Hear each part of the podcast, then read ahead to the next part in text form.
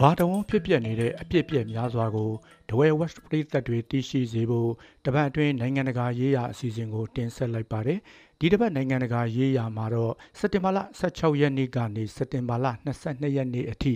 တပတ်တာအတွင်းအဖြစ်ပြက်အချို့ကိုကောက်နှုတ်ဖော်ပြသွားမှာပါဒီအကြောင်းအရာတွေကိုဒဝဲ West ဝိုင်းတော်သားတွေကစီစဉ်တင်ဆက်ထားတာဖြစ်ပါတယ်။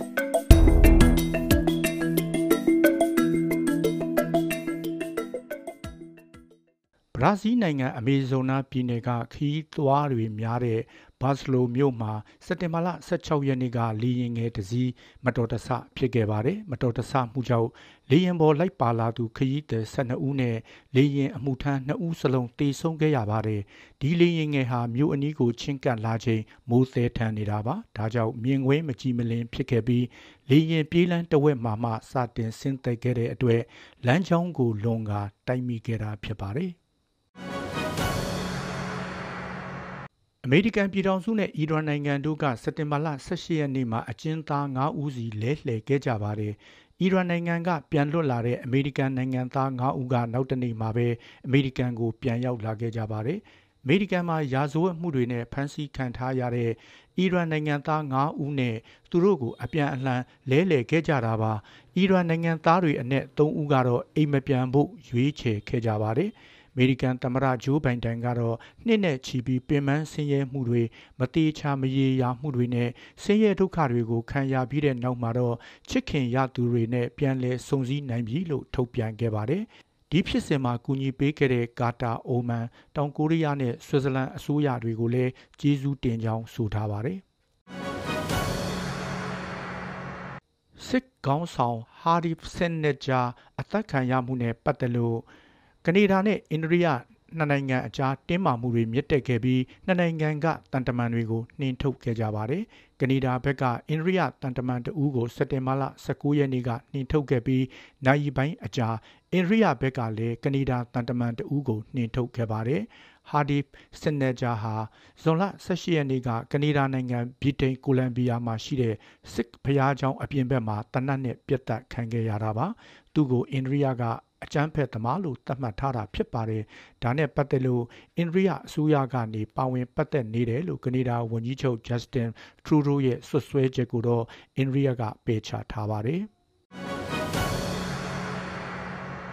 တရုတ်ပြည်အရှေ့ပိုင်းကျန်ဆူပြည်နယ်မှာစက်တင်ဘာလ19ရက်နေ့ကအင်အားပြင်းလေဆင်နှမောင်းတစ်ခုတိုက်ခတ်ခဲ့ပါတယ်။အဲဒီတိုက်ခတ်မှုကြောင့်လူ10ဦးသေဆုံးခဲ့တယ်လို့ဒေသတွင်းမီဒီယာတစ်ခုကဖော်ပြထားပါတယ်။လေဆင်နှမောင်းကြောင့်အဆောက်အအုံ130ကျော်လည်းပျက်စီးခဲ့ရသလိုလူ400ကျော်ကိုလည်းနေရာပြောင်းရွှေ့ထားရပါတယ်။အစိုးရကတော့ပြည်내တော်တော်များများမှာလေပြင်းတိုက်ခတ်ပြီးမိုးသဲထန်မယ်လို့ကြိုတင်ကြေညာထားခဲ့တယ်လို့ဆိုထားပါတယ်။ မေရိကန်နိုင်ငံကိုရောက်နေတဲ့ယူကရိန်းသမ္မတဇလန်စကီကိုအမေရိကန်သမ္မတဂျိုးဘိုင်ဒန်ကစက်တင်ဘာလ22ရက်နေ့မှာသမ္မတအိမ်ဖြူတော်မှာတွေ့ဆုံခဲ့ပါတယ်။ရုရှားကျူးကျော်စစ်အတွက်ယူကရိန်းရဲ့တွန်းလှန်နေမှုကိုဆက်လက်ကူညီမှာဖြစ်တယ်လို့လည်းဂျိုးဘိုင်ဒန်ကကတိပေးခဲ့ပါတယ်။အမေရိကန်ကယူကရိန်းကိုရုရှားကျူးကျော်ခြင်းကစပြီးစစ်ရေးနဲ့လူသားချင်းစာနာမှုအကူအညီပေးနေတာကအမေရိကန်ဒေါ်လာ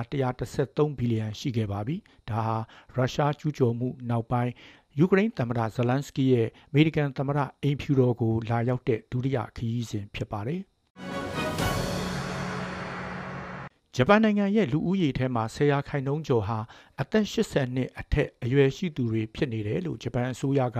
စက်တင်ဘာလ18ရက်နေ့မှာထုတ်ပြန်လိုက်ပါတယ်။ဂျပန်နိုင်ငံကကမ္ဘာပေါ်မှာကလေးမွေးဖွားနှုန်းအနည်းဆုံးနိုင်ငံတွေစီးရင်မှာပါဝင်နေပြီး အသက်အရွယ်ကြီးသူတွေများပြားနေတဲ့အခြေအနေကိုရင်ဆိုင်နေရတာပါဂျပန်လူဦးရေ125သန်းထဲမှာ29.1ရာခိုင်နှုန်းကအသက်65နှစ်နဲ့အထက်ရှိနေခဲ့ပါတယ်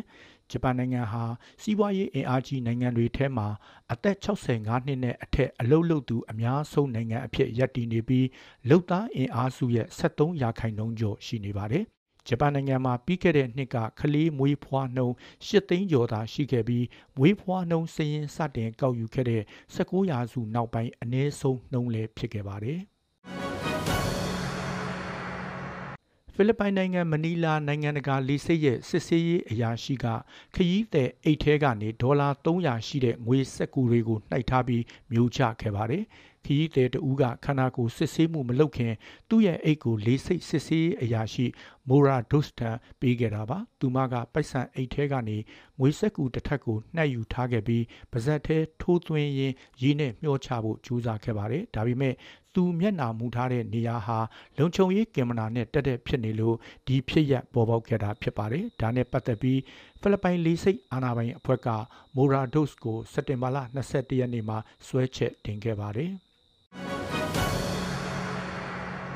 professional နဘန်းသမားနှစ်ဦးဖြစ်တဲ့မီနူရူဆူဇူကီနဲ့ဆမ်ရှီရိုတာကာဂီဟာအလွန်လျင်မြတ်တဲ့ဂျပန်ကြီးစံယထာပေါ်မှာနဘန်းပွဲကျင်းပခဲ့ပါတယ်ဒီ WWE ပုံစံနဘန်းပွဲကိုတိုကျိုအခြေစိုက် DD Pro Wrestling ကစီစဉ်ကျင်းပခဲ့တာဖြစ်ပြီးစက်တင်ဘာလ18ရက်နေ့ကကျင်းပခဲ့တာပါအဲ့ဒီယထာအတွင်းခရီးသည်85ဦးလိုက်ပါလာခဲ့ကြပါတယ်ခရီးသည်တွေကသူတို့ရဲ့ပွဲကိုကြည့်ပြီးသဘောကျနှစ်ချိုက်ခဲ့ကြပြီးပွဲကတော့နိုင်ဝက်ကြာမြင့်ခဲ့ပါတယ်နဗန်းပွဲစဉ်လက်မှတ်တွေကမိနစ်30အတွင်းရောင်းထွက်ခဲ့တယ်လို့ဆိုပါတယ် နာဂါနိုကာရာဘတ်ဒေသမှာခွဲထွက်ရေးတပ်ဖွဲ့တွေကလက်နက်စွပ်ဖို့သဘောတူခဲ့ပြီးအဇာဘိုင်ဂျန်စစ်တပ်ကတိုက်ခိုက်မှုတွေကိုရပ်တန့်လိုက်ပါတယ်။အဲ့ဒီဒေသကိုအဇာဘိုင်ဂျန်နိုင်ငံထဲဘယ်လိုထက်သွင်းပေါင်းစည်းမလဲဆိုတာကိုလည်းဆွေးနွေးကြဖို့ဒီတန်ရအုပ်ချုပ်ရေးအဖွဲ့ကသဘောတူလိုက်ပါတယ်။အဇာဘိုင်ဂျန်စစ်တပ်ရဲ့တရက်ကြာထိုးစစ်ဆင်တိုက်ခိုက်မှုအတွင်းကလေးငယ်2ဦးအပါအဝင်လူ32ဦးသေဆုံးခဲ့ပါတယ်။ ဒီဒေသဟာအိန္ဒိချင်းအာမေးနီးယားနိုင်ငံရဲ့တစိမ့်တစ်ပိုင်းအဖြစ်ထက်သွင်းသတ်မှတ်ခံရဖို့အုပ်ချုပ်နေခဲ့တာဆယ်စုနှစ်၃ခုရှိနေခဲ့ပါပြီ။လူအင်အားလက်နဲ့အင်အားအဆမတန်တာလွန်တဲ့ရန်သူနဲ့သူတို့ရင်ဆိုင်ခဲ့ရတာလို့ခွဲထွက်ရေးအဖွဲ့ရဲ့ပြောခွင့်ရသူကပြောကြားထားပါတယ်။ အီရန်နိုင်ငံမှာအမျိုးသမီးတွေပေါ်အစ္စလမ်စီးမြင်အရချမှတ်ထားတဲ့ဝတ်စားဆင်ရမှုစည်းကမ်းကိုတင်းကျပ်လိုက်ပါတယ်။စည်းကမ်းကိုဖောက်ဖျက်သူအမျိုးသမီးတွေပေါ်ထောင်ဒဏ်10နှစ်အထိပြစ်ဒဏ်တိုးမြင့်မဲ့ဥပဒေကြမ်းတစ်ခုကိုပါလီမန်ကအတည်ပြုခဲ့တာပါ။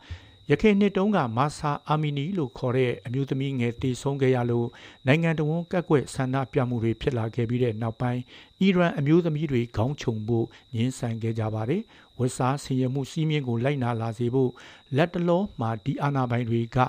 အရေးယူမှုတွေတိုးလာနေခဲ့တာပါလမ်းတွေပေါ်မှာဘာသာရေးရဲတွေဖြတ်ချထားပြီးအများသွားလာတဲ့နေရာတွေမှာကင်မရာတွေချထားကစောင့်ကြည့်နေခဲ့ကြပါတယ် ပရိသတ်ပေါင်းတို့စေရောကိုပါကျမ်းမာချမ်းသာကြပါစေကြောင်းနဲ့ကပ်ဘေးအမျိုးမျိုးကနေအမြန်ဆုံးလွတ်မြောက်ကြပါစေကြောင်းဒဝဲဝက်ဝိုင်းတော်သားတွေကစုမုံကောင်းတောင်းအပ်ပါတယ်။နောက်အပတ်မှာလည်းနိုင်ငံတကာရေးရာအစီအစဉ်ကိုစောင့်မျှော်အားပေးကြပါဦးခင်ဗျာ